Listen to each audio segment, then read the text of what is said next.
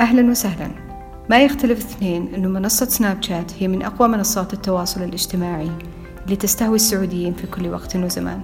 والإحصائيات تقول أنه تقريبا 43% من السعوديين يستخدمون سناب شات. نظرة واحدة على خريطة سناب دليل كاف على تصدر السعوديين في مشهد سنابي.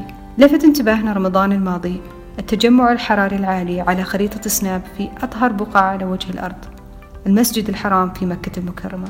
إذا ضغطت على ستوري المسجد الحرام تنعرض عليك مئات ومئات المشاهد اللي تثير البهجة وتبعث على السكينة للمعتمرين والمصلين اللي جاءوا من كافة أرجاء المعمورة حتى يعيشوا هذه التجربة النقية في أفضل موسم في العام شهر رمضان المبارك.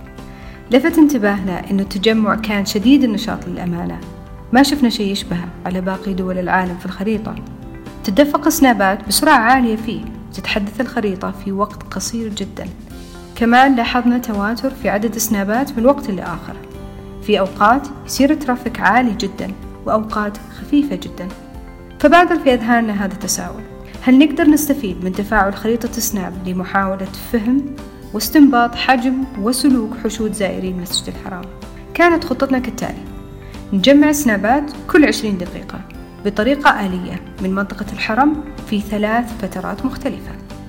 العشر الوسطى من رمضان العشر الأواخر وأول شوال يعني تقريبا شهر كامل. نتاج حصادنا كان واحد وخمسين ألف سنابة.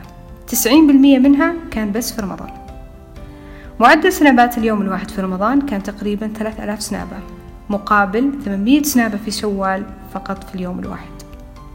هذا شيء متوقع لأنه وفقا لمؤشر العمرة ترتفع نسبة العمرة في رمضان بمقدار 50% وبالتالي ممكن يكون هناك ارتباط بين كثافة التسنيب وحجم حشود المعتمرين.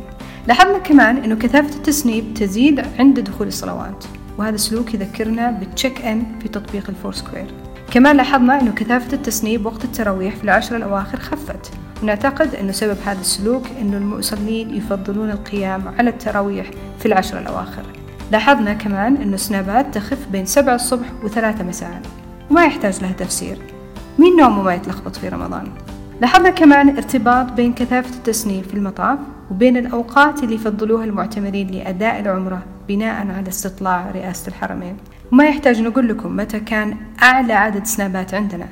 بالتأكيد كان ليلة 27 الشريفة واللي سجلت فيها رئاسة الحرمين أعلى عدد للزوار من بداية رمضان. لاحظنا بعد أن سنابات تزيد في المناسبات الخاصة زي صلاة الجمعة وصلاة العيد. وإذا صار حدث مو متوقع زي المطر اللي نزل في عشرين رمضان.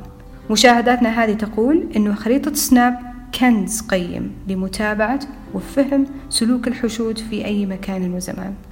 وإذا لعبناها صح نقدر كمان نستخدمها في نماذج التنبؤ عشان نفهم وش ممكن تسوي الحشود في ظروف معينة مشابهة. وهذا ملخص مقالتنا.